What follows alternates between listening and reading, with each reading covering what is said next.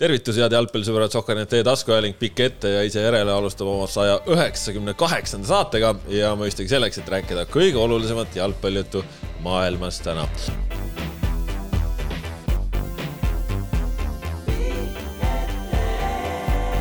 räägime koondisest, räägime kodusest liigast, vastame võib-olla ka mõnele küsi-, lugejate küsimusele, mis meile saabusid ja teeme seda täna siis koosseisus mina, Kaspar Elissäär ja minuga siin oluliselt ilusamaks, paremaks ja muuhulgas vanemaks saanud Kristina Kangur. tere!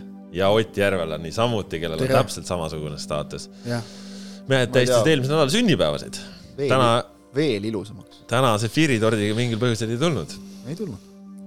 mina, mina vabandan nüüd sellega, et mul pole isegi juubel mitte mul ka ei ole juublid hakkavad viiekümnendast, sinna veel pikk maa minna. Ometigi ikkagi lausa Päevalehes ära trükitud su sünnipäev. no see vastas tõele, jah okei okay,, äh, räägime siis jalgpallijuttu, nagu meil kombeks on. Äh, Eesti koondis lõpetas äh, möödunud nädalal oma laagri Portugalis Algarves ja, ja neljapäeval siis Soome alistati kolmandat korda järjest juba, kus me soomlastega madistame, oleme peale jäänud. Eesti on nüüd ühtekokku kaheksa mängu kaotuseta, kui normaalaegasid arvestada. Pole me siis alla jäänud Maltale, Albaaniale, veel kord Maltale, San Marinole, Lätile, Leedule, Islandile ja Soomele ehk siis siin täitsa eri Euroopa otstes olevate satsidega oleme madistanud ja. see on jah, nagu alati see kriteerium, et saaks nagu võimalikult eri Euroopas olevaid otstes olevaid meeskondi võita, et siis on hästi läinud. no ei saa öelda, et ainult siin ühe, ühesugused need asjad läinud, aga aga Soomele võit äh,, alustuseks sellest mängust kitsamalt äh,, oli siis teenitud võit, Ott? teenimatu ka ei olnud, noh tegelikult oli ta ju suures plaanis samasugune mäng tolle, tolle Islandi mänguga, et noh, kaks võrdset võistkonda. Seekord õnnestus, õnnestus see kuidagi enda kasuks pöörata, kuigi jah, Soomel olid väga, seal teisel poolel kaks ka väga head võimalust, aga noh, seekord niipidi. Selline paras müttav jalgpall ta tegelikult ju oli, on ju, aga no see kõik oli, no tähendab, ma nagu peamise asjana, mis ma sealt ähm, kaasa võtaksin sellise positiivse asjana, on siis see, ja mitte ainult sellest teisest mängust, vaid tervest sellest Portugali laagrist et äh, tasavägistest kohtumistest äh, tulemuse tegemise oskus, see tuli ikkagi välja. et noh, kaks tasavägist mängu, võit ja viik, see tähendab, et kokkuvõttes oldi ikka vägagi, vägagi noh, on põhjust rahul olla just nimelt sellega, et kuidas suudeti tulemust teha, sellepärast et võib juhtuda ka, et kaks tasavägist mängu lõpevad kahe kaotusega. on, on sedagi meil Eesti jalgpalli ajaloos juhtunud kahetsusväärselt sageli, eks ole. Eh, noh, et, et kui sa võtad kahest tasavägisest mängust viigi ja võidu, siis ei ole põhjust äh, kindlasti muretseda või, või nukrutseda, et äh, tulemuste mõttes oli ju hästi, esituste mõttes mul tegelikult kummaski, no Islandi mängu teine poolaeg jäädi surve alla, aga sellest me rääkisime eelmine saade ka, et, et seal ikkagi ka, ka puhtalt selle kaitsetöö kvaliteeti võib tegelikult kiita, mida selles umbkaitses või noh, suures kaitses tehti. et esitused minu meelest äh, nagu täiesti okeid. Ja nüüd kolmas aspekt oli siis see, et, et mida me uut teada saime meeskonnast, et noh, ennekõike siis ütleme debütantide või vähem proovitud mängijate kaudu, siis äh, sealt üht-teist sai teada ja ma arvan, et suures plaanis sai teada umbes täpselt niivõrd palju, nagu enne seda laagrit võis eeldada. ehk et äh, mõned mängijad äh, said rohkem võimalusi, mõned said natukene, osad ei saanud üldse mitte. ning lõppkokkuvõttes olukord on siis see, et kui tulevad märtsikuu mängud, äh, siis nendest debütantidest noh, kui üks või kaks on, no Valner on koondises, ma arvan, et rohkem eriti kedagi ei ole. Kangur, Soome mäng, mis sul sealt silma jäi? Mänguliselt oli nagu Islandi mängus nagu palju rohkem vaadata, eks ole, see Soome mäng oli niisugune suhteliselt nüri tuterdamine seal mööda seda väljakut ja plats oli ka nagu ta oli, eks ole, ja noh, ei saagi nagu väga palju parem olla, kui sama platsi peal trenni ka tehakse enne seda mitu päeva. aga jah, selline noh, ikkagi nüüd see rahvuste liiga, okei okay,, me võime nagu naerda, kui palju me tahame nende Maltade ja San Marinode võitmiste üle, eks ole, et mida see annab ja nii edasi. enesekindlust annab.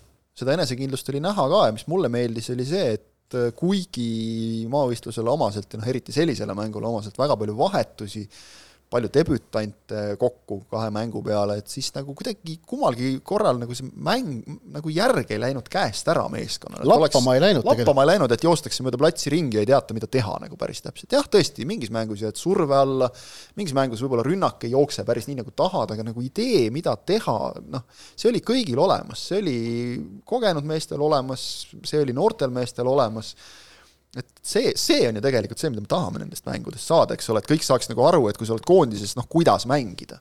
see idee võiks ju nagu olemas olla, minu meelest see töötas ja, ja noh, sa lööd ühe korra palli väravasse ja vastane ei löö palli väravasse, kuigi neil oli ka paar head võimalust, et siis muidugi on teenitud võitja, loomulikult. no sa ütlesid, debütante lõpuks kokku palju kogunes, aga, aga Eestis alustas Soome vastu nii, et ei olnud ühtegi debütanti no, ja see oli ka niisugune, jah, ma vaatasin ka, keegi juba jauras kuskil umbes, näe, soomlastel on kuus debütanti, meil pole ainsatki, noh, palju meil neid oli, kes neli päeva varem seal debüüdi tegid või mis see päevade vahe oli, eks ole. et noh see on nagu mõttetu tähe närimine ju tegelikult, et, et või vaatad meil keskkaitsjaid seal, eks ole, noh, see, see, see on ju see võimaluse andmine. Ja ma saan aru, et noh no keskkaitsjatel jah, Soome vastu alustanud keskkaitsjatel kambo peale kokku oli tolleks hetkeks kirjas seitse maavõistlust. No kolmel. kolmel. ehk et noh, Tõugis ja Lipp olid teinud debüüdi neli päeva varem ja Peetson oli teinud neli päeva varem oma viienda koondise mängu. mida siin nagu vinguda on selles suhtes ja see jälle, et, et nüüd kõik ei ole noored, et sul on seal ka ikkagi Vassiljev ja Zenjov, noh, võib ju vaielda, eks ole, et, et et, et kas nüüd Vassiljev näiteks esimeses mängus nii kaua pidi mängima, eks ole, ja nii edasi, aga, aga noh, mingisugune nagu liim või niisugune kogemus peab ka olema, mis seob seda asja, eks ole. kui me nüüd kogenud mängijatest räägime, et minu meelest nagu noh jah, seda, et kõik oma võimaluse saavad, seda oli palju oodata, said need, kes noh, nagu kellest võis eeldada, et nad saavad, kõik okei okay.. ilmselt mees, kes sai vähem, kui võis arvata, oli Alex-Mattias Tamm, kelle võimalus piirdus viieteistkümne minutiga. jah, seda küll. et tema te,, temal noh, ütleme, ilmselt eeldati ennem, et, et ta saab natukene rohkem, aga noh, seal ka ütleme, mängulised asjaolud, asjaolud kujundavad seda, seda niivõrd-kuivõrd, et et aga, aga noh, tema võib olla nagu võib-olla natuke pettunud selles suhtes, et noh, ei antud nagu nii palju võimalust ennast näidata, kui oleks tahtnud, aga noh, see on, see on paratamatu, et ma arvan, et ühestki aknast ei ole niimoodi võimalik läbi tulla, et sul kõik seal hurraaga tagasi tuleb. no aga vaatame korraks nendele debütantidele otsa ka, Ott on kirjutanud loo ka, hinnates nende võimalusi siis äh, käimasoleval aastal valiksarjas peale saada, aga aga, aga ütleme siis lähtudes rohkem selles, et kuidas keegi hakkama sai, noh, Tammest äh, mainisime, ega tema mäng seal Islandi vastu, ega ta seal selle lühikese aja jooksul, ega ta korra sai ennast kehaga kehtestada, ega tal nagu väga palju seal rohkem nagu midagi teha ei olnudki. mulle meeldis tema hoiak nagu, kuidas ta mängu tuli, et ta tuligi nagu väga selgelt kehtestama, kellelegi pani seal kohe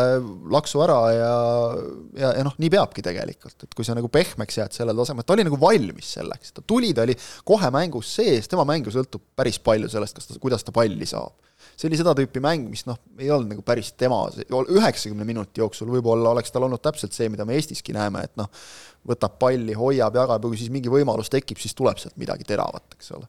praegu noh, viisteist oli vähe selle jaoks selgelt, aga et ma nagu talle ette heita küll ei oska nagu eriti midagi selle koha pealt et noh, me oleme näinud ka seda, kus nagu tullakse ja, ja kuidagi peidetakse ennast ära väljakul või ollakse ebalevad, seda ei olnud. nojah, aga vaata, siin on nüüd see, et, et sellises olukorras debüüti saades, et ei piisa sellest, et pole midagi ette heita, vaid Nõus. sa pead pakkuma midagi ekstra, et panna, e, e, et saada ka kutse järgmine kord. mis oli, mis oli tema jaoks halb, ütleme, ei olnud mitte seotud sellega, mida ta ise tegi, vaid selle, seotud sellega, mida tegi Sten Reinkord. jah, just, et, et Reinkord, äh, kui tema sekkus päev hiljem, selgelt pakkus midagi ekstrat. mäng hiljem siis. mäng hiljem jah ja., vabandust, et selgelt pakkus midagi ekstrat, äh, noh, noh, Reinkordi see, kuidas ta suutis seal palli hoida nende soomlaste vastu, see oli muljetavaldav ausalt öelda, ma, ma, mind isegi üllatas, et ta sel tasemel sellega kõigega hakkama sai Aha. niimoodi ja, ja ma arvan, ta sellega mängis ennast praegu Alex-Mattias Tammest äh, Häberli silmis lihtsalt ettepoole, et ta ta pakub midagi teistsugust, et, et noh, et ja, ja, ja see võib olla põhjus, miks Reinkord äkki saab millalgi siin lähitulevikus mõne koondise kutse, eriti kui seal ülejäänud edurivist keegi juhtub äh, audis olema. hetkeseisuga küll, aga nüüd on täpselt see, et kui me ütleme, oleme mänginud ära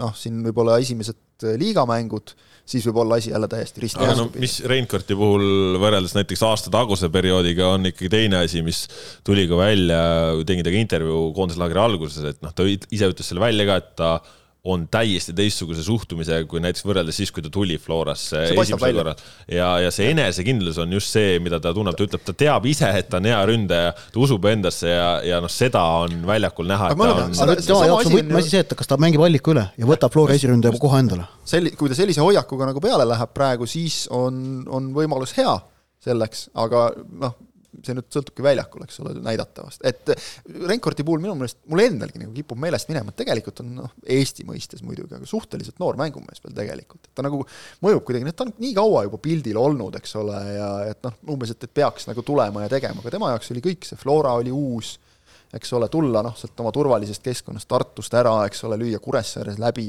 ka uus, eks ole, aga klassikaline ründaja, ründaja näide, et me näeme seda siin Anieride ja Sapinenide pealt samamoodi, eks ole, et kui sul on enesekindlus, siis sa oled noh, teine mees väljakul täiesti mm.. ja Reinkortil oli, oli enesekindlust, oli põhjust ja muidugi tuleb kiita, et ta suutis sellega kohe väljakule kanda, kogu see olek oli selline, et noh, olen siin selleks, et need soomlased üle mängida.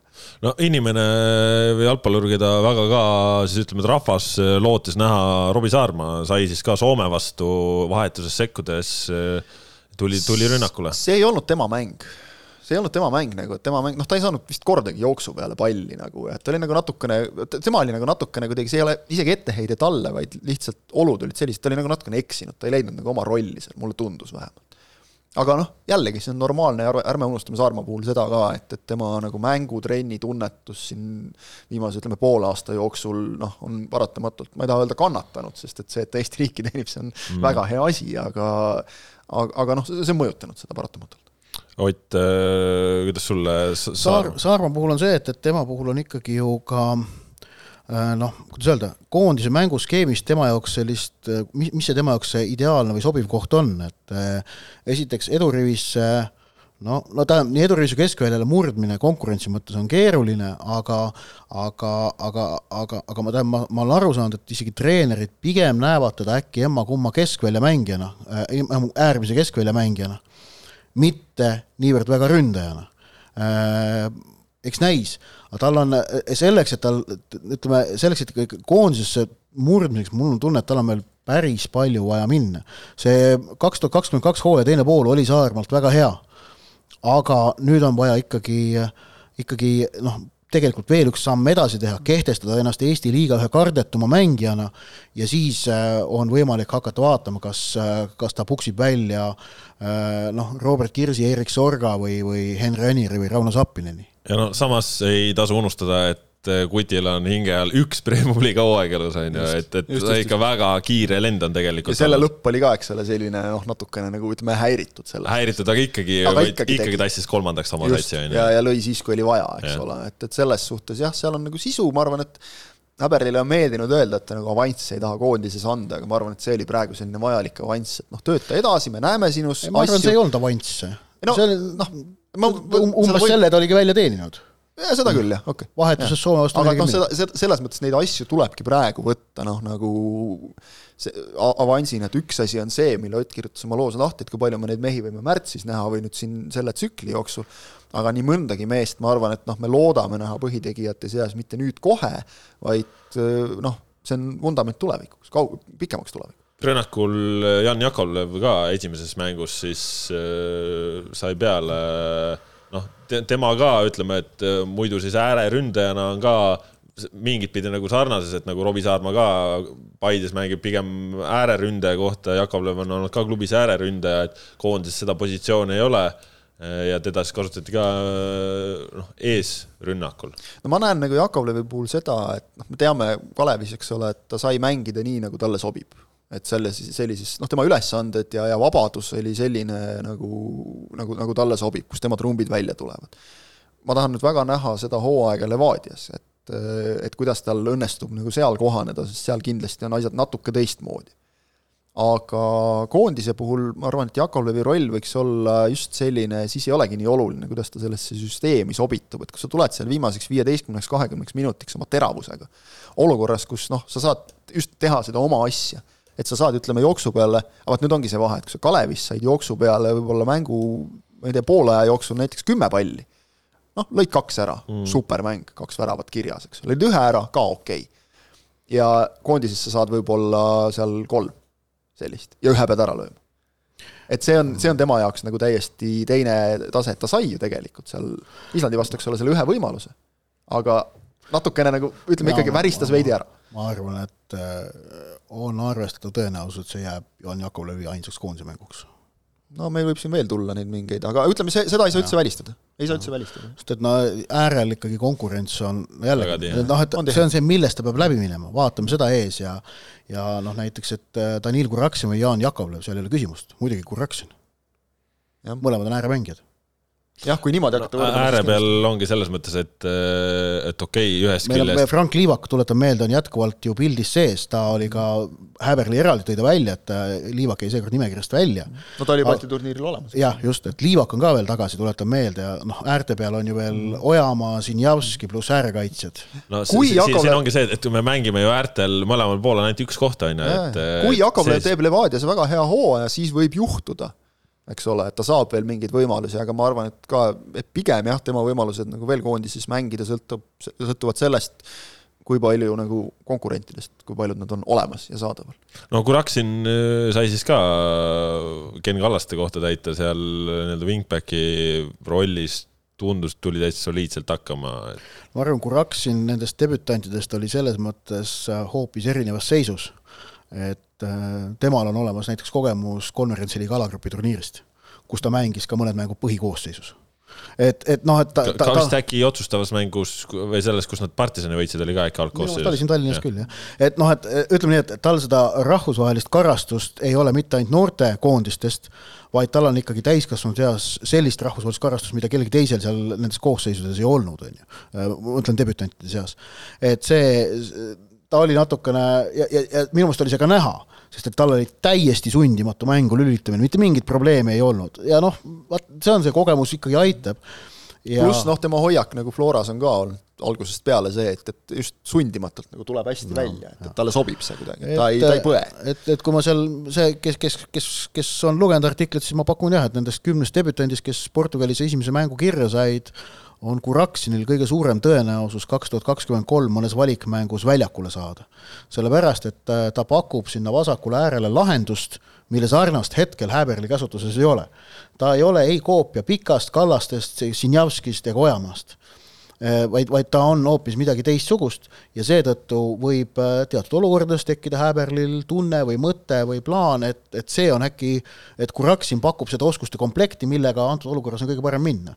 ilmselt muidugi vahetusest, on ju, aga, aga noh, ja pluss vaatame, mis ta, kuidas tal Floras hooaeg läheb, eks sellest sõltub ka aga.... tal on sellist, niisugust mõnusat energilisust nagu vahetusmängijalt, sa ootaks seda, et, et noh, ta läheb nagu, vahel on selline tunne, et ta läheb iga mängu mängima natuke nagu viimast, et, et see on ja ta on selle saanud minu meelest viimase hooaega sai nagu ka sobivalt kontrolli alla.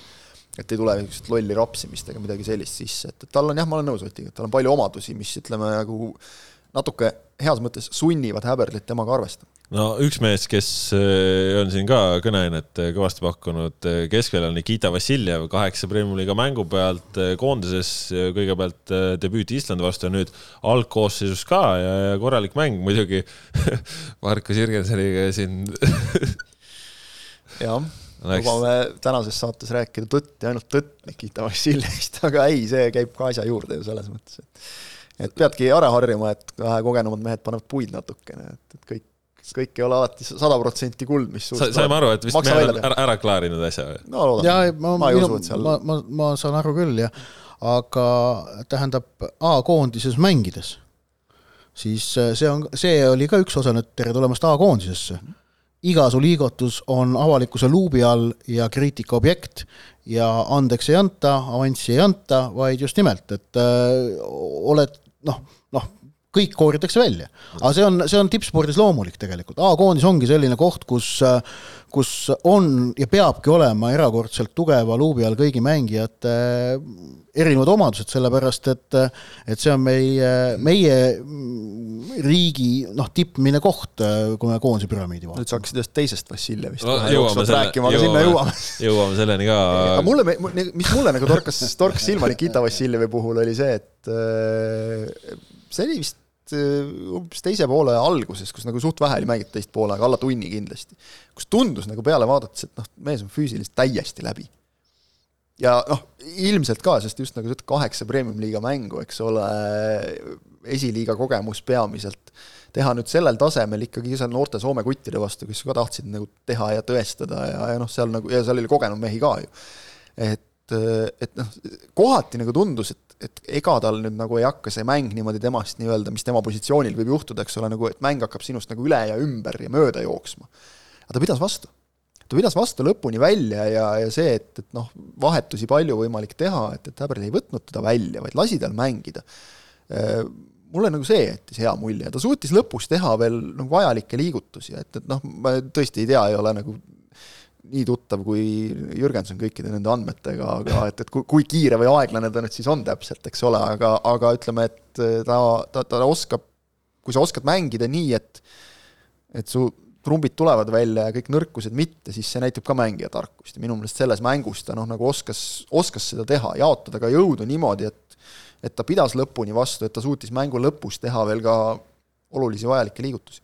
Tal on vaja nüüd äh, Levadias põhikoosseisu murda ja kaks tuhat kakskümmend kolm ootab teda muidugi U kakskümmend üks koondis, see on, see on, ma arvan, selge. no me, A-koondise keskväli on nagu nii tihkelt mehi täis, et, et seal noh, ei ole vaja nagu tormata ega kiirustada ka sellega üldse.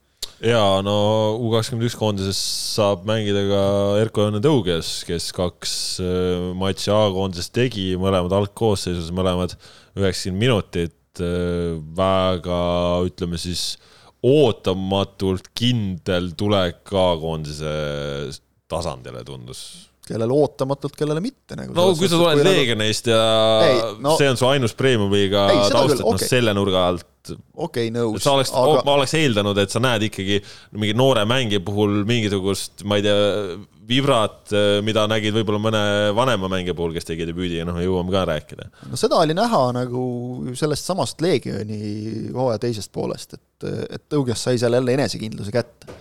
et noh, Nõmme Unitedis ta oli, noh, ma ei taha öelda staar, see nagu kõlab halvasti, eks ole, aga ta oli noh, võistkonna tugitala nagu, eks ole, kõik nagu mingid noortekoondised, asjad, eks ole, noh, sa oled põhimees ja siis sa pead nagu leppima sellega, et nüüd sa ei ole põhitegija, kaugel sellest. tal olid siin Floras, eks ole, igasugused vigastuste jamad ja muud asjad nagu ja siis ongi nagu see, et noh, kuidas ma nüüd edasi. sest oma peas noor mängija ilmselt kujutab ette, et noh, tulen Florasse, et mängin seal mingi venna pingile ja küll hakkab saama, eks ole, ja siis sa oled nulli peal ja, ja ikkagi see, see Leegioni poolaasta mulle tundus nagu andis talle just selle enesekindluse ja, ja tõesti hästi, kahe mängu lõikes hästi sümpaatne oli vaadata, kuidas ta alguses, päris alguses tegi asju hästi kindla peale ja samas nagu ei jäänud ka sellesse kindla peale tegemisse kinni, nagu me tihti näeme, et, et noh, ongi keskkaitsel on hea lihtne, taod kõik pallid ette ära ja korras, eks ole.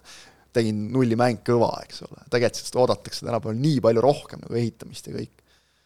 et äh, teise mängu enesekindlus oli, see oli, see oli väga sümpaatne ma arvan, et need, ähm, need mängud ähm, eh, tekitas ikka Jürgen Hennis, ma arvan, noh, väga huvitavaid mõtteid. ja noh, et kes on Flora selle aasta keskkaitsepaar, et noh, et kui Henrik Pürgi koht peaks olema suhteliselt kindel, et kes siis ikkagi tema kõrval on, et kas on, kas on nüüd äh, Tõuges nende mängude põhjal, eelmise hooaja põhjal oleks loogiline valik, et oleks Sepik või on, või on hoopiski Luka, kui on terve. Marko Luka või Marko Lipp, on ju, et on ka veel variandid.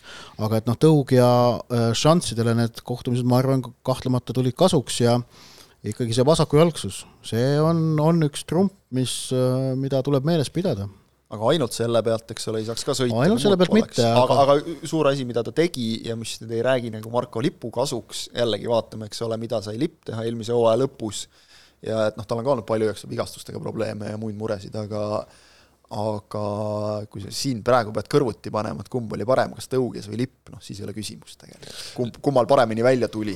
lipul oli jah, no seal ikkagi mingitel puhkudel lasi natukene nagu liiga pehmelt ära keerata või kaotas nagu mingi hetkel palli ära, aga noh, mitte midagi nagu hullu. ei, mitte midagi hullu, aga, aga lihtsalt aga ongi no... see, et muidu ütleks, et noh, okei okay,, aga paned tõugese kõrvale, siis on see, et noh, vot, et teine mees tegi nagu paremini selgelt.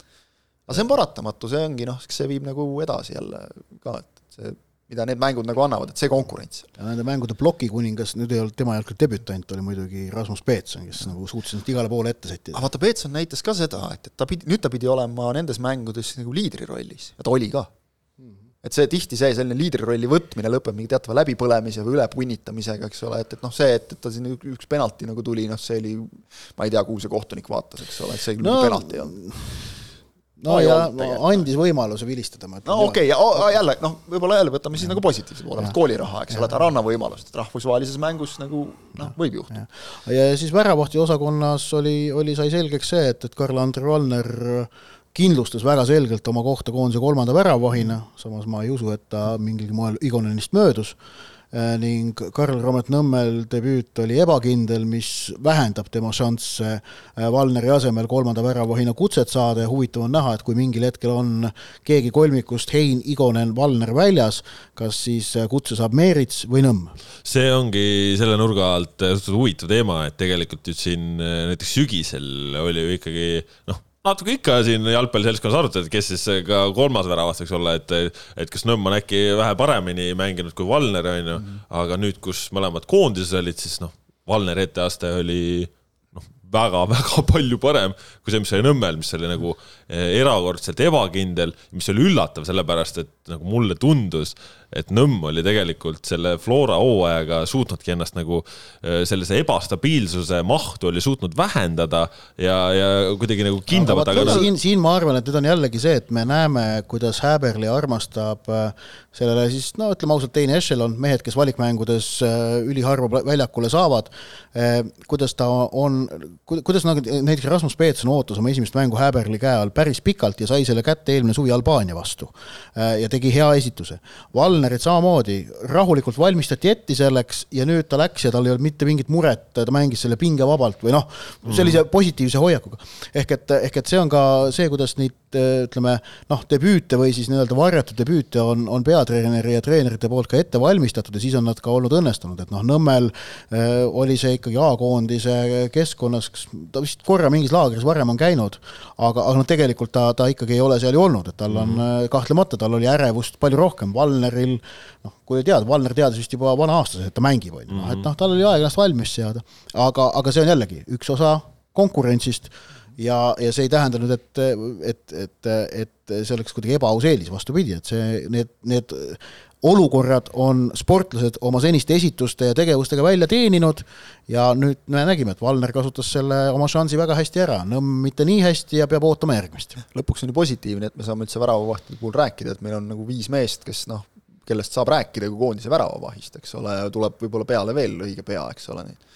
Noh, Nõmme puhul on see, vaat et on minu meelest on nii Viljandis kui nüüd Floras noh, ikka nagu alustanud mingite kaladega kuidagi, eks ole, ja näidanud, et ta suudab üle saada sellest. tal välja. algas, tal algas ju eelmine hooaeg, eks ole, Floras, noh, kus vist ta võib-olla nagu arvas ka, et noh, nüüd olen esiväravavaht, ei olnud ja siis suutis ju seal esiliigas vist ka Levadia U kakskümmend ühe vastu minu meelest äh, seal miniterbis mingi täiesti arusaamatu palli selja taha imeda kuidagi, et äh, noh, ja vaatame, kus ta hooaja lõpus oli, eks ole, et, et tal selles mõttes ta noh, ma usun, ta saab sellest nagu mõne pärast nagu muretseks, tema pärast ma arvan, et ei pea väga, et, et noh, tegi ära oma käkid esimeses mängus, need on tehtud, nüüd saab edasi minna. No üks äh, teema nende mängude puhul oligi see, et, et noh, kui palju siis tõesti peaks katsetama, kui palju peaks proovima ja kui palju peaks võitu püüdma. Toomas Häberli on olnud alati oma juttudes see, et ongi esiteks A-koondises peavad mängima alati parimad ja A-koondises on alati oluline tulemus. mis ta nüüd äh, tõi ise välja ka äh, selle viimase matši järel, kus Soomet üle mängiti, tsitaat, alati on hea rankingus ülespoole ronida, sellised mängud annavad punkte, mis võib-olla tõstavad meil ühel hetkel viiendast loo-, loosikausist kõrgemale. tsitaadi lõpp, ehk siis Toomas Häberli võttis ka seda, et sa saad mängida viiekümne kuuendal FIFA edetabeli real oleva koondise vastu, võttis sellena, et tegelikult okei okay,, mitte küll palju ei saa neid ranking'u punkte, aga et sa ikkagi saad neid ja tema eesmärk on eh, kogu aeg ronida siis kõrgemale, et ühel hetkel, kui on need jälle valiksarjade loosimised, et siis eh, Eesti mängiks paremini ja noh, see, et Häberli keskendub võitmisele, see tähendab ühtlasi ka seda, et tema võiduprotsent praegu on nelikümmend viis koma viis, ehk siis ta on saanud Eesti koondise peatreenerina kümme võitu, viis viiki ja seitse kaotust. ehk siis eh, okei okay,, kuigi vastased on olnud võib-olla ka teataval määral lihtsamad, siis no on näha, et tema jaoks on ikkagi tulemas igal hetkel A joo, mida on nagu ka keeruline vist ette heita ja no meenutame eelmise aasta rahvuste liiga mänge Maltaga, kaks tasavägist mängu, mõlemad võideti lõpuks kaks-üks, et ei olnud lihtsad mängud, aga noh, nende mängude võitmise oskus tal ikkagi on. noh, Balti turniir kaks tuhat kakskümmend üks samamoodi. et, et see, seda on nagu aus meeles pidada ja, ja, ja välja tuua ning küll, küll aga nüüd see FIFA edetabeli osas siis äh, tuleb tõdeda, et need olid äh, rahvusvahelise akna välised maavõistlused, mille kaal on erakordselt väike võrreldes muudega, ehk et äh, ma kontrollisin üle, toon näitlikult, et äh, on, on noh, see on, see on keeruline valem, aga ma toon seal näitaja siis kordajast, mis peegeldab konkreetse kohtumise kaalu. MM või EM-valikmängu kordaja on kakskümmend viis selles valemis siis Rahvuste Liiga alagrupi mängu kordaja, need on need, mida Eesti mängis Malta San Marino vastu, on viisteist. maavõistlus, mis peetakse akna sees, näiteks Balti turniiri mängud novembris Läti ja Leeduga, eh, on kümme ja aknavälised maavõistlused on viis, ehk need, mis nüüd olid. ehk et need mängud Soome ja Islandiga olid kolm korda odavamad punktide mõttes kui Rahvuste Liiga mängud San Marinoga näiteks. Äh, kaks korda odavamad kui Balti turniiri mängud Läti või Leeduga ning viis korda odavamad äh, nüüd äh, märtsi lõpus peetavast esimesest EM-valikmängust Austriaga. ehk et noh, nende mõjuvõime sellele FIFA edetabeli kohale on ikkagi päris väikene. jah, et noh, see, see, see on, et, et sealt nii palju neid punkte ei saa, aga noh midagi saab. midagi ikka, eriti mida, mida kõvema vastasega sa mängid, on ju, et, et ühtepidi ee.... mida, mida sa tänapäeval nagu elus odavalt saad, et seda võtta ka antakse nagu seda küll jah, et noh, et Leedut okei okay,, et sealt saad, see kordaja oli suurem Leedu vastu mängus, aga Leedu on FIFA edetabelist seal mingi sada kolmkümmend või sada kakskümmend on ju, et, et Soome on, on meist eespool, et. Läti ees sai ka punkte, sest et ei läinud kirja kaotus, vaid viik. just, just, et noh, need, need on need reaalsused, no, aga. Need punktid punktideks ja, ja noh, mingid koefitsiendid nendeks, aga et nagu suurim on see just see enesekindluse koefitsient, mida sa saad, et selles mõttes praegu, praegu minu meelest on see, see võitmine ikkagi endiselt oluline, et, et kui me nüüd nagu hakkaks ka võtma nii, et, et noh, et nüüd saime, saime Rahvuste Liigaga enesekindluse tagasi, et noh, nüüd ei juhtu midagi, kui tappa saame nagu ka, et just minu meelest nagu mind üllatas näiteks korra, hästi korraks põigates tagasi, ma tean, te rääkisite juba eelmises saates sellest Islandi mängust, eks ole, aga sinna tagasi korraks nagu põigates, et äh, see oli nagu maavõistluse, sellise, seda tüüpi maavõistluse kohta minu jaoks nagu silmale nagu üllatavalt selline vaadatav mäng Eesti koondise mm. poolt just. ja vot see on isuga nagu, mängiti. see on just, ja see tuleb just sellest, kui sa mängid isuga, sa mängid enesekindlalt, sa, sa tahad julget palliga mängida. sulle meeldib nagu see, noh, kõikidele neile ju meeldib jalgpalliga tegeleda, eks ole, kõikidele nendele mängijatele ma eeldaks vähemalt meil ei ole vist siin maailma jalgpallis on olnud ka neid vendi, kes ütlevad, ma ei tea, et pappi saab, võib teha, eks ole, et noh, Eestis nagu sellega niikuinii kaugele ei sõida, et, et kui sa sellepärast no, nagu mängid, sa ei saa ka, eks ole. Eestis meil niisugused mehed ka, kes ütlevad, et ongi, et pappi saaks küll, aga näe, ei taha. ja mis on väga aus, eks ole, selles suhtes, et, et Trevor Elhist räägime. Trevor Elhist jutt, et tervisi talle sinna Egiptusesse, et, et see on väga aus ja mulle nagu väga tohutult meeldib see, kui, kui noh, või, või kui jõutakse mingi saavutuseni, et võiks nagu veel mängida, öeldakse, et nii, et ma tunnen, et ei ole enam sellist põlemist, eks ole, siin on meil muude alade mingid maailmameistrid ja keda iganes, eks ole, nagu. Et aga, aga just see, et, et nagu kuidagi vabadus, noh, vabaks on saadud, sellest tohutu kramp oli aastaid, taheti, aga see võttis nagu, pani mehed krampi hoopis, et praegu see vabadus, see tuleb ikkagi ko ka koos tulemustega. kaua sa neid ilusaid kaotusi saad, eks ole, et, et see no, praegu tulebki nagu ma ütleks, peamiselt tulemustega. no just, eks, et, et noh, okei okay,, praegu jah, läks Islandi vastu lõpus ära, eks ole, see võit, aga noh, pole hullu nagu, eks ole, et, et see, aga noh, viik on ikkagi viik eks ole, et me ei saanud pähe jälle. Nagu, et sa saad seda võidu emotsiooni, mille nimel ju tegelikult kunagi noh, hakatakse ju väiksest peale mängima tegelikult, sa saad nagu rõõmustada väravate löömise ja võitmise ja selle üle. et see, see on tagasi. Ja see rütm ikkagi jah, see, see, see, see ka parandab võistkonna üleüldist sellist nagu rütmi ja meeleolu ning kindel võib olla ka see, et kui vaadata ette märtsi, kus siis ootavad ees esmalt maavõistlus Ungariga, siis valikmäng Austriaga, et seal Ungari vastu mingit katsetamist me ei näe, pea, põhimõtteliselt minnakse, vaatab peaaegu täis põhikoosseisuga Ungari vastu tulemust tegema, tulemust püüdma, et siis oleks hea tunne minna neli päeva hiljem Austria vastu, sest seal on ka just, vahe on suurem kui muidu valikmängudel, sest kuna maavõistlus tuuakse päeva võrra ettepoole, see on võimalus on olemas. et, et see on väga selge ja, ja arusaadav hoiak, on ju. ja, ja no Eestis siin ju oli ka, et noh, vaadake Marko Kanervat, et tõi siukse satsi ja vaat nüüd mängivad siis said Eestilt said eh, pähe ja pärast Soomes sihuke aplaava lahti, et kuidas nii sai ja ta-ta-ta, et no, meil ei ole praegu mingit muret oleks, sellega. oleks meil nagu see probleem, et noh, tõesti nagu kogu lugu, lugupidamise juures, eks ole, ma ei tea, et siin Sander Puri oleks jälle teinud mõlemas mängus nagu seitsekümmend viis, eks ole, noh, sellised mehed, et noh, mida sa neist katsetad, eks ole, et me teame tema, tema aga see ei ole katsetamine, vaja on võita ja harjutada selleks, et mis sind no, ootab ees. no umbes see, et nagu noored ei saa üldse võimalust või midagi sellist, eks sa said ju tegelikult, loeti, palju me lugesime praegu, kaua me rääkisime neist, kümme debütanti, eks ole, ja enamik said ikkagi, need ei olnud mingid siuksed viieminutilised sutsakad, et ma lasen su ka lõpus peale, vaid noh, kõik said näidata ennast ikkagi.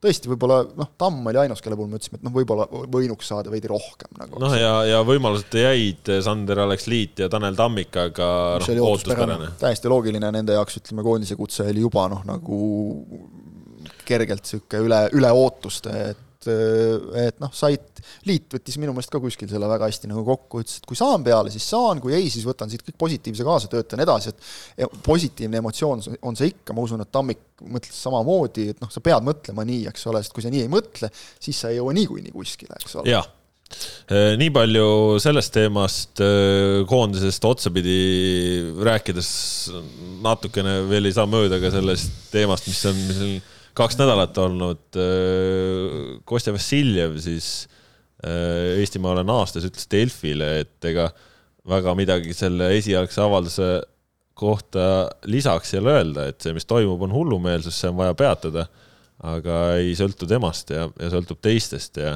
ja ütles, et väga lihtne on punkte teenida ühte teistpidi, aga, aga nemad on oma asjad välja öelnud.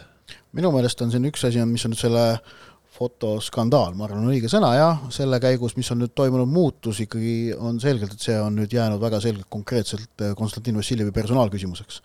et seal ülejäänud äh, fotol olnud inimeste personaalküsimus on, on või, või on kas täitsa nagu taandunud, maandatud või kadunud, aga, aga koondise kapteni osas on see tähelepanu terav, et noh, toon näiteks eile, eile näide Riigikogu liige Eerik-Niiles Kross, Äh, tuntud julgeolekuekspert muuhulgas ja noh, äh, kirjutas äh, sotsiaalmeediasse järgmise sissekande. linkis seda Delfi, Delfi uudist, noh, kus see intervjuu on. ma olen Vassiljeviga nõus, et igaühel on õigus oma arvamusele, aga igaühel ei ole õigust olla Eesti rahvusmeeskonna kapten. probleem ei ole ju Vene peatreeneriga tehtud pildi avaldamine ega selle avaldamise aeg, vaid see, et selline koosviibimine üldse toimus. sobilik ei olnud kohtumine ise, mitte kohtumise avalikuks tegemine probleem ei olnud sellise kohtumise tähenduse puudumisel, vaid nüüd juba see, et tähendust ei mõisteta, sest ka katse sellise koosviibimise tähendust mitte mõista on tähenduslik. Eesti rahvusmeeskonna kapten võib jätta omale arvamuse, et Venemaal ja Vene peatreeneril on õigus Ukraina sõda õigustada, aga sel juhul ta Eesti meeskonna kapteniks ei sobi. kui isegi pärast kultuuriministri selget sõnavõttu ei tule Vassiljevi suust lauset, et Venemaa on agressorriik, siis peaks ta meeskonda vahetama. ja see on nüüd äh, jällegi poliitiliselt tasandilt äh, signaal, et need on asjad, mida me Eesti jalgpallis äh, enne seda juhtumit tegelikult me ei olegi näinud. me ei ole harjunud nägema selliseid asju. jah, aga nüüd on kultuuriminister, sotsid äh,, Eerik-Niiles Kross vaatasin, mis ta oli Reformierakonna nimekirjas kokkuvõttes kümnes, noh, ikkagi Reformierakonnas kandvas, kandev jõud Eesti poliitikas jaa. oluline nimi ikka e. eks näis, kas siis, äh, mida, mida siin, mida siin teised selles seisukohas võtavad, ma arvan, et Keskerakonnast ei tule muidugi mingit seisukohta, eks ole, arvestades, et nende üldnimekirja teine number on Yana Toom, aga aga, aga ikkagi äh, tähendab see, et poliitiline tasand äh, või poliitiline elu tuleb praegu nüüd niimoodi jalgpalli ja. sisse, on jalgpalli jaoks probleem. ja, ja need poli... Eerik-Niiles Krossi sõnastatud äh, võtmeküsimused ja kohad selles juures on ikkagi jätkuvalt ka väga paljude Eesti jalgpalliinimeste mõtetes ja huultel ei tasu mitte, arvata, et see asi on maandunud. ma rõhutaks mitte ainult poliitiline, vaid just ühiskondlik, et Eesti jalgpall on väga tahtnud äh, olla ühiskonnas kas siis nagu teenäitaja või, või noh, nagu olu-, väga olulisel kohal, sellega väga tugevalt seotud no nüüd te oletegi. nüüd te oletegi, nüüd tuleb tajuda, et, et sellega kaasneb ka mitte ainult positiivne pool, eks ole.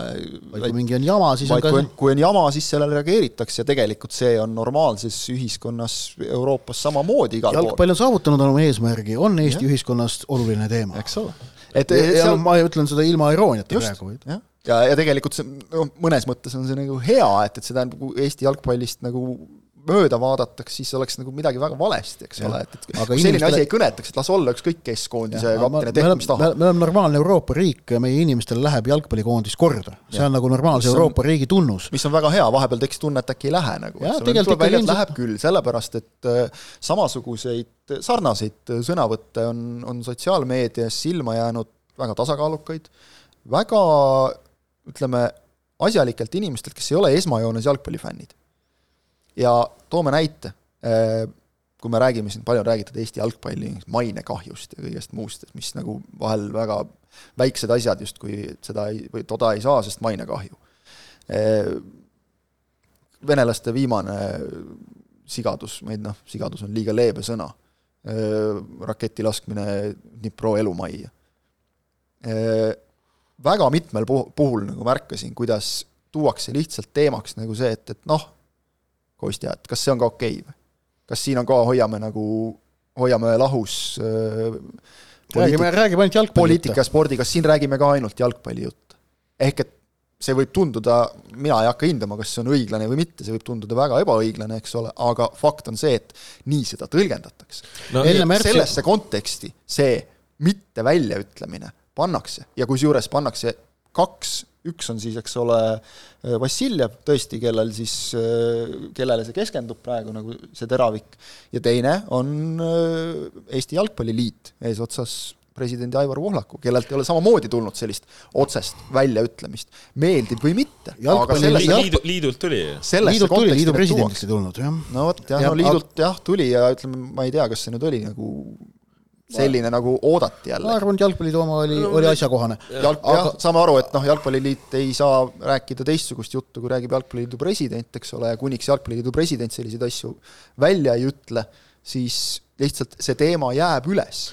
aga ühesõnaga, sa rääkisid jalgpalli mainekahjust, Eesti jalgpallile aset- tekkinud mainekahjust, siis selle juhtumi tekitatud mainekahju on oluliselt suurem kui intsident eelmisel aastal Kose vallavolikogus või Rahvuste Liiga mudaliigasse kukkumine. selle praeguse intsidendi mainekahju on oluliselt suurem ning äh, ma arvan, et on täie just nimelt on kestev ning on paratamatu, et enne märtsikuu koondisakent, kui algab EM-valiksarja Eesti koondise jaoks, tuleb Eesti Jalgpalliliidul äh, vastata, sest talle esitatakse küsimusi Konstantin Vassiljevi sobivuse kohta Eesti meeskonda kuulumisel. Ehk et äh, siin hakatakse, ma arvan, tekivad küsimused, kas Konstantin Vassiljev tuleks Eesti koondisest eemaldada. ja siin on praegu selles mõttes on, on olukord Ja- ka ja- olen- ma oleksin väga üllatunud, kui selliseid küsimusi ei tekiks. jah, ja siis sellele omakorda noh, tähendab, ma prognoosin, et Jalgpalliliit, kui see küsimus neile esitatakse, annavad väga sirgjoonelise vastuse, et unustage ära. Ma arvan, see on prognoos, aga et sealt võivad tekkida omakorda mullistused ikkagi. Ja, ja, ja lõpuks on see, et, et äh, tagajärjed jalgpalli mõttes on sportlikud no praegu, mis on äh, üks teema veel nagu, mis sellega haakub või, või tuleb nagu hästi välja, et, et äh, just pigem need, kes on selle olukorraga seotud, natukene nagu tunnevad vist, et oleks äh, kahtluse alla seatud see, et nemad on Eestit hingega esindanud, noh, Vladimir Voskobonnikov ka selles ETV Plussi saates, kus ka Pohlak esines äh, et seal Voskobonnikov ütles, et mina kui vere, vene perekonnaga inimene ja Vassiljev oleme teinud oma valiku, saanud Eesti kodanikuks, vahet pole, et kas ma mängisin hästi või halvasti, aga me mõlemad esindasime väljakul Eesti Vabariiki, et me ei oskagi muud teha, kui minna väljakule ja esindada enda riiki. noh, selles mõttes siin ma arvan, et nagu keegi ei sea kahtluse alla seda, et Kostja on eestimeelne, et, et talle, et ta esindab Eestit hingega, selles ei kahtle keegi. probleem eh, on noh, näiteks ka selles, kui Vladimir Voskobonnikov ütleb, et eh, Valeri Karpin on samasugune treener nagu tema, et ei ole. kas see Voskobonikovi väljaütlemised noh, ja, ja samamoodi Vassiljevi hoiak nagu näitavad, et nad ei mõista kahjuks. ennekõike minul isiklikult on sellest kahju lihtsalt. Venemaa on vaenlane. et nad ei mõista seda, mismoodi tunnevad, tunnevad väga paljud inimesed. Venemaa on vaenlane, Venemaa on mõrvar Venemaa on sõjakurjategija. ja nendesse ei ole võimalik suhtuda Jah. ühesse kesse neutraalselt. ja Venemaa. Eesti vaatevinklist võetuna. Venemaa kui riik, mitte ainult Putin eraldi. Sellest võib muidugi teha eraldi saate, eks ole, mi-, miks see nii on ja sellel on väga palju tahke, aga praegu, kus käib sõda, kus raketid kukuvad endiselt elumajadesse, siis no kus meie naaberriik kus teeb seda.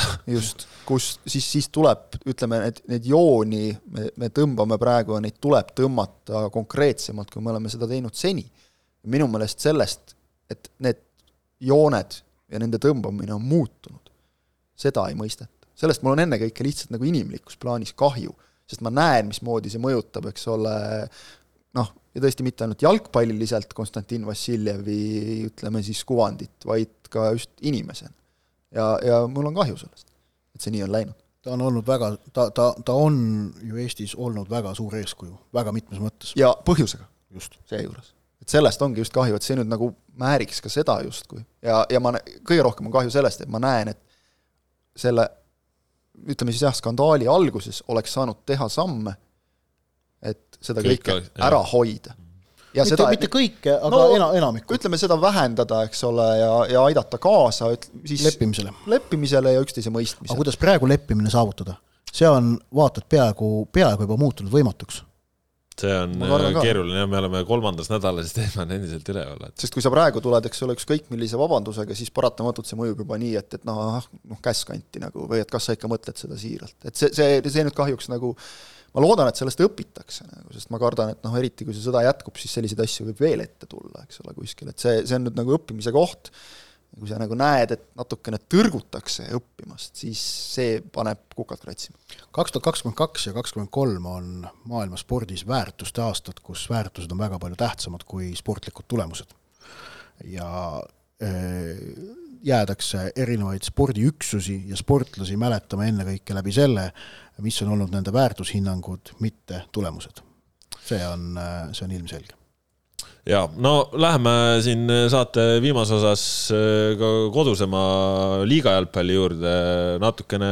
On siin rääkida, sellepärast et äh, Eesti klubid on ikkagi esimesed äh, mängud siis selle aasta sees ära pidanud ja, ja ütleme, et kõik mängud, mis peeti, ega need ei kippunud lõppema selliselt, nagu võib-olla hooaja sees võiks eeldada, et Levadia ja, ja Narva Trans avasid siis taliturniiri reedel, seal oli väga palju põnevust, et milliste koosseisudega äh, satsid lõpuks väljakul jooksevad, et seal ju väga palju muudatusi lõpuks no põhiküsimus oli, kas ikka üksteist versus üksteist mäng tuleb? tuli, tuli üks, üks, tuli üksteist, üksteist ja, ja üks-üks jäi see mäng äh, nädalavahetusel veel Harju Laagri pidas oma esimese mängu Pärnu vapruse vastu, noh, seal Igor Prins kasutas küll üpris nagu noori vendasid, aga Harju sai võidu, siis äh, noh, Kuressaare läks vastamisi koondisreisilt tulnud Floraga. äh, kus siis noh, väga suur osa mängijaid olid ju koondises, et äh, osa, väga, väga suur osa ja siis äh, Kuressaare võitis kaks-null. seal tõsi küll, Sten Reinkord ja Danil äh, Kuraksin käisid ka väljakul Kuressaare poolt, siis Sandra Aleksliit niisamuti. Tartu Tammeka skoori tegid vist? Smirnov ja Smirnov ei tähistanud jah, ja Männilan. ja Männil see, see oli ka kerge, kergelt irooniline, ütleme. Jah, aga no ühesõnaga ei, sellised ei mängud. tähistanudki halliturniiri väravat. ei no endise klubi vastu ikka muidugi ei tähista. aga, ja siis äh, Kalju mängis soomlaste Turu Interiga, et äh, selles mõttes äh, selline noh, tulemused on nüüd öeldud, on ju, et äh, ikkagi nagu tavapärane, tavapärane hooaja alguse värk, et siin ongi need koosseisud on sellised, et väga-väga palju proovitakse just esimestes mängudes väga, kus, kus ütleme, et noored mängijad on saanud ilmselt rohkem treenida kui kogenumad mängijad, antakse siin esimestes lahingutes rohkem võimalusi siis tüüpidele, kes võib-olla neid hiljem väga ei saa, et mida hooajal lähemale jõuad, seda rohkem tahavad ju treenerid oma nii-öelda sellist ideaalsemat põhikoosseisu kokku mängitada ja, ja asju trillida, et selles mõttes nagu huvitavaid äh, nägusid sai näha, huvitavaid asju pakuti, aga tegelikult Paide, ja Tammeka mängisid ju ka, eks, oli Paide? ja ma ütlesin jah, et Tammek võitis kaks-null ja, et Paidel oli nagu hea näide, eks oli see, et, et kus Karel Voolaid ütles ka pärast seda, et noh, siin oli nagu, et nelikümmend viis ja nelikümmend viis, aga nüüd järgmine mäng on neil Seinäjogiga, soomlastega, et seal juba lähme nagu noh, nii-öelda selles mõttes nagu täiega panema, et yeah. täiskoosseisuga, eks ole, et, et see on jah, niisugune esimeste mängude võlu ja et, et, et seda, oligi näha, seda esimeste mängude võlu, aga noh, samas ütleme, et see on ka nagu ootuspärane, et siin eh, ei tasu nüüd selle pealt arvata, et kogu maailm kehvasti oleks, kuigi ma siin kohe toome ühe lugeja küsimuse ka eh,. lugeja küsis, et kas eh, Flora noortesüsteem on puudulik, et vanad puudu, kohe ei osata mängida. noh, mis jah, muidugi jah, see kohe näitab ära, et nii on, et noh, ei see jah ei noh, Flora noortesüsteemist, eks ole, sealt nagu tõusmisest esindusmeeskond, et sellest võib ju rääkida, eks ole, et kes, kui palju neil nagu oma kasvandikke seal on, aga et noh, nad on vist ka ise nagu tunnistanud, et seal on noh, puudujääke no olnud, eks mina, mina nii palju jah, kui siin suhelnud olen, siis äh, ka olen aru saanud, et noh, see on ka üks põhjus, miks tahetakse seda koosseisu õhemaks teha, et, et noh, kui neil praegu hakkavadki järjest tulema need vanused peale, kus nad on saanud korralikult tööd teha ja, ja tulevadki nagu andekad noored ja noh, sul lihtsalt ei ole esindusmeeskonnas ruumi, et noh, siis see ongi nagu natuke probleem, et eks nad sellepärast üritavad siin seda õhemaks saada, noh, Kreida sai juba välismaale ja eks loodetavasti keegi saab veel kuskile, onju, et noh, siin mõned veel jah, võiksid nagu, aga noh, samas on vaata toodud ka nagu jälle siit-sealt, eks ole, mõned. no mitte liiga palju, Nikita no, Mihhailov no ma mõtlen viimastel aastatel, mitte nüüd nagu praegu Nikita Mihhailov, eks ole, ainult, aga et noh, jah, eks see on Flora probleem nagu küll, et natukene just selline noh te, terav tipp, aga siis nagu see järgmine püramiidi nagu järgmine korrus, et see on nagu natuke liiga laiaks läinud. mina neid jaanuarikuu mänge ausalt öelda väga tõsiselt võtta ei suuda, et, et, et no neid ei peagi liiga tõsiselt võtma. no, no ikka üldse ei suuda, ega ei taha siit ka mingeid järeldusi teha, et, et need mängitakse niivõrd juhuslike äh, lähteandmete pealt ja lähteolukordade pealt, et neist, neist ei saa midagi järeldada. veebruariks on näha natukene rohkemat, hakkavad välja joonistuma noh, ootuspärased koosseisud ja siis tagantjärele on võimalik seda jaanuarit ka hinnata mm, -hmm. aga jaanuarit ajahetkes, kus need mängud toimuvad, hinnata on adekvaatselt, on pea täiesti võimatu, seetõttu ka mõttetu ja seetõttu ma ei investeeri mingit emotsionaalset või ka ajalist kapitali nende kohtumiste jälgimisse. selge, Järvela selles rubriigis praegu rohkem sõna ei võta ei no aga ausalt. ei, ei, ei, nõus, nõus, nõus selles suhtes, et noh, seal on nii juhuslikud asjad, et mis me siin oleme näinud, mingi kaheksa, kaheksa-null ja ma ei tea, mis asja, eks ole, siis hooaeg algab ja saad aru, et see ei tähenda mitte midagi. me, me oleme näinud isegi seda, et kuidas superkarikas võidetakse viis-null, eks ole, siis nädal hiljem mängitakse liigamängu ja kõik asjad on pea peale pööratud. jaa, aga noh, seal on. see ei ole mitte ainult Eestis niimoodi, see on mujal maailmas samamoodi. aga seal ongi lihtsalt, siis ütleme, need huvitavad nüansid ongi see, et jälgida nagu mingisuguseid per persoone, et äh, näiteks äh, Kalju treeningmäng Turu Interiga noh, mäng lühidalt oli selline, et mäng algas ütleme, et siis niimoodi Kalju jaoks väikse ehmatusega, et Inter tuli nagu väga jõuliselt peale, aga ütleme, kümne minutiga Kalju oli mängus sees, ülejäänud poole aega Kalju valitses, meeletult tekitati võimalusi. Aleksandr Volkovil oli seal hulganisti variante, ei, ei lahendanud ära, null-null, teine poolaeg, noh, tehti vahetusi ja siis oligi mäng kadus ja, ja lõpuks teisel poolel Kalju enda mängu nagu ei leidnudki. aga esimesel poolajal oli see huvitav jälgida seda Kanada ründajat, kahekümne üheksast Malta liigast tulnud äh, Promise Davidit, et äh, no, nimi on lubav selles suhtes väga lubav, jah. eriti see eesnimi Promise, Promise on jah lubav, üpris lubav. David on ka ju Kanada puhul, et Jonathan David. kohe vist nagu täpsustati ka igaks juhuks, et ei ole sugulast. jah, aga, aga selles mõttes nagu hästi huvitav kuju, et üpris nagu suurt kasvu aga, aga väga kiire. eks ta tegi seal sommide kaitsjatele tegi ka, et pall ühelt poolt, ise teiselt poolt jõudis liduda, aga. ta ei ole William Jebori tüüpil ründaja. ja just, et ütleme, et pikkuse poolest on nagu noh, et Jebor oli ka siuke nagu noh, ta ei olnud nii pikk, aga no, ta oli nagu. William Jebor oli tead mis tüüpi ründaja või? noh, halba tüüpi Jebori tüüpi ründajaid, neid Jebori tüüpi ründajaid või siis ka neid lubavaid ründajaid, vaata nende häda on ka see, et me oleme neid aastate jooksul nendel taliturniiridel, halliturniiridel nagu näinud küll ja veel.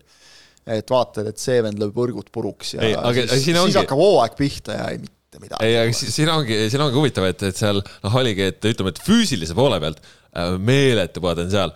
jalgpallimänguliselt, noh, seal oli nagu mingisuguseid küsitavust natukene ja Kaido Koppel ka küsisin pärast mängu, et. Malta no, et, mitmes liigas oli? no see selleks, aga, no, ei, ei, aga nii noor mängija, nii noore mängija no, puhul okay, ei, ei tea, onju. aga Kaido Koppel ka ütles, et, et on mingid omadused on väga huvitavad, mingid võib-olla noh, et vajab vaatamist, et aga ei noh, siuksed, siuksed asjad on minu arust nagu kihvtid, et sa, et sa saad nagu mingisugust, mingisugust pilti ikkagi, sa, sa näed nendest, et see nagu lisab äh, nendesse talvistesse lahingutesse ka nagu veits värtsu. ega me keegi ei lähe ju seal vaatama umbes, et näe, et nüüd mängisid siin omavahel Flora ja Levadia ja nüüd teeme siit suuri järeldusi. noh, aga just see, vaata tüüpe mängijaid nagu, et, et mõni, mõni on Eestis võib-olla teinud nagu sammu uude meeskonda, näed, et noh, okei okay,, siin vist sobib talle nagu, et saab teha vabamalt hoopis midagi ja, ja nii edasi. ja, ja, ja noh, vahel katsetatakse ka ju taktikaliselt mingisuguseid asju või noh, kasvõi sedasama Transi puhul okei okay,, et, et mängisid selle Levadiaga, aga noh, Transil, kellel ju olid nagu ikka purunoored peal vahepeal, suutsid värava lüüa, kui, kui me nagu ei räägiks sellest kui taliturniirist, vaid vaataks lihtsalt kui meeskondade kontrollmänge, siis me võib-olla ei pööraks tõesti nagu üldse tulemustele nii palju tähelepanu, et, et äh, äkki see nagu mõjutab veidike, et vaata, taliturniiril keegi võitis kedagi, aga muidu on see, et noh, seal kuskil mängisid vennad kontrollmängu, siis noh, sa ei tee välja sellest eriti. Ja meil lugejate küsimusi on tulnud päris palju Harju kohta, et mida me nendest ootame ja kuhu me neid ennustame. ütleme siis, et ega ennustustega on nii nagu ikka, et kui hooaeg käes on, siis hakkame ennustama, noh vahetult enne siis, et me praegu natukene, natuke liiga vara, et Ott just kirjeldas ära ka, et miks praegu liiga vara on, et Mm.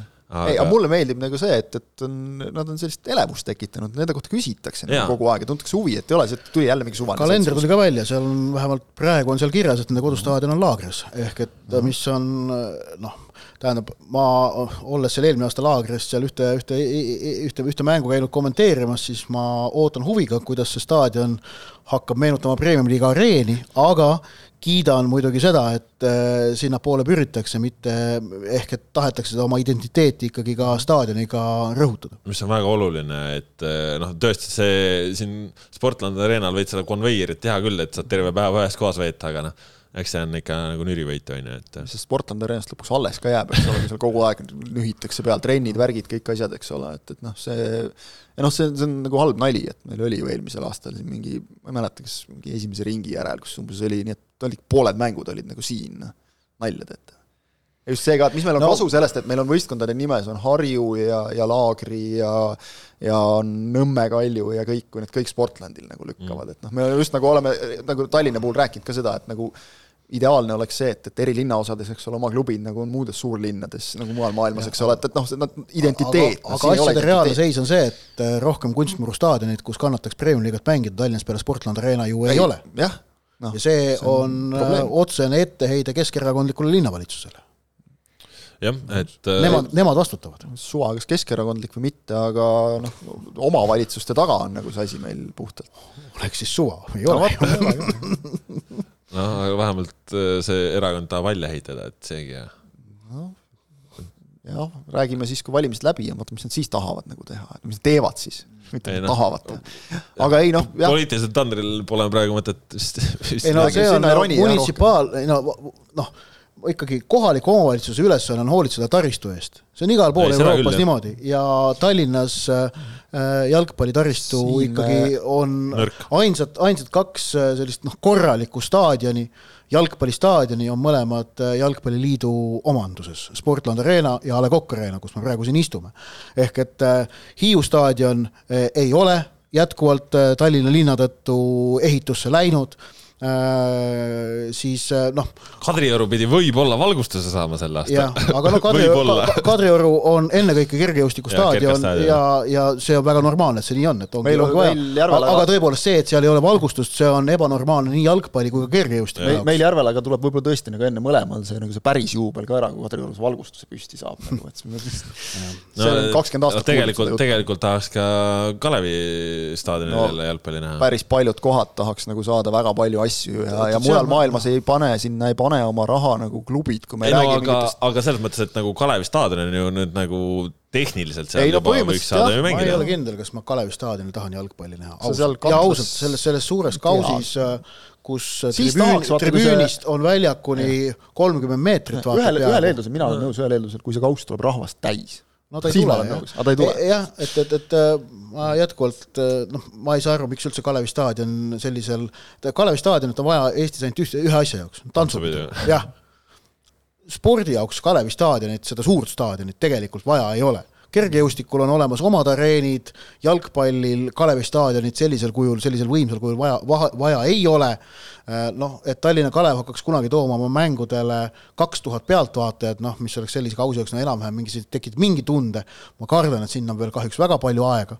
nii et noh, tegelikult reaalselt seda Kalevi staadionit sellisel kujul vaja ei olnud, aga noh, spordiselts Kalev tahtis selle ise teha, siis noh, eks nad selle tegid, aga jama on see, et Kalevi kunstmuruga on, on vist jätkuvalt erinevad probleemid no seal vist on jah, et jalgpalliklubi Kalev ja spordiselts Kalev kõige paremini läbi ei saa omavahel, tundub mulle, et, et äh, seal käib nagu, ega Kalev muidu ju ka ei oleks siin oma neid plaane avalikustanud, eks ole, et kuskile sinna TTÜ juurde üldse minna mm. ja, ja noh, seal hakkas ka kohe jälle see pihta, et, et siin, kus on olnud äh, ära lagastatud staadion, et siia ei tohi kindlasti mitte midagi nüüd enam korda teha ja püstitada, et noh, me oleme ära harjunud selle ära lagunenud staadioniga. just, jah, et siin on ilus väidetavalt oli. noh, okei okay,, ma saan aru, männimets ja kõik, et kui sa sinna ette nagu kupli püsti paned, et siis käib mõnel nagu ilumeele vastu, aga noh, lõpuks nii me saame kõik asjad põhja lasta, eks ole, et, et minu no, see vana aja nimbi efekt, eks ole, no ja lastaksegi nagu, mis on ka näiteks Hiiu staadioni äh, remonti takistanud kõvasti, eks ole, et, et kui ikka sii-, siia ei tohi, sest mina elan siin. see on kõige tähtsam, mina elan siin sama on Maarjamäe staadioniga no, olnud, eks ole, noh, kõik me võime siin jäädagi lugema, see oli ju suur kisa oli selle Lasnamäel, eks ole, Punasel tänaval. no nii saadki ainult sinna raudtee vahele jalgpalli mängida, noh. noh, küll siin varsti, usu mind, varsti keegi ehitab siia garaaži tasemele omal eramu ja siis ütleb, et kuulge, võtke maha see kast siit, mul varjab vaate ära. et noh nii ongi lõpuks, vaata, aga, aga jah, see jääb nagu kõik ikkagi mujal maailmas käib nagu see omavalitsuste tasandil, saadakse aru, et kui sa investeerid praegu mis iganes spordiobjekti, siis see toob sulle tagasi mitte kahe aasta pärast, mitte kolme ega viie aasta pärast, vaid võib-olla kahekümne pärast, selle näol, et sul on tervemad lapsed, kes on siis juba terved täiskasvanud, kes hindavad tervislikke eluviise. see ei käi nii, et, et täna panen siit kolm sisse ja homme võtan viis välja, nagu tahetakse meil miskipärast arvata, noh. ei toimi nii see aga sinna, siin, vot seal on meil veel nagu jällegi selle normaalse ühiskonnani jõudmisega ikka nagu väga pikk maa minna. no eks meil mitmel rindel päris pikk maa minna. vot sellised jutud pikk ette ise järele saja üheksakümne kaheksandas saates. tänased jutud teid teinud Kaspar Elister, Kristjan Kangur ja Ott Järvela. millised on uued jutud uuel nädalal, eks seda kuulete ja näete siis tore siis tõdeda, et tõesti inimesed on ka selle vaatamispoole omaks võtnud, nii et noh, nautige siis aga. ja mõistagi kuulata saab meid ka endiselt äh, igast kanalist, Spotify, SoundCloud, äh, Apple podcast, kust iganes soovite. sellised jutud täna ja adjöö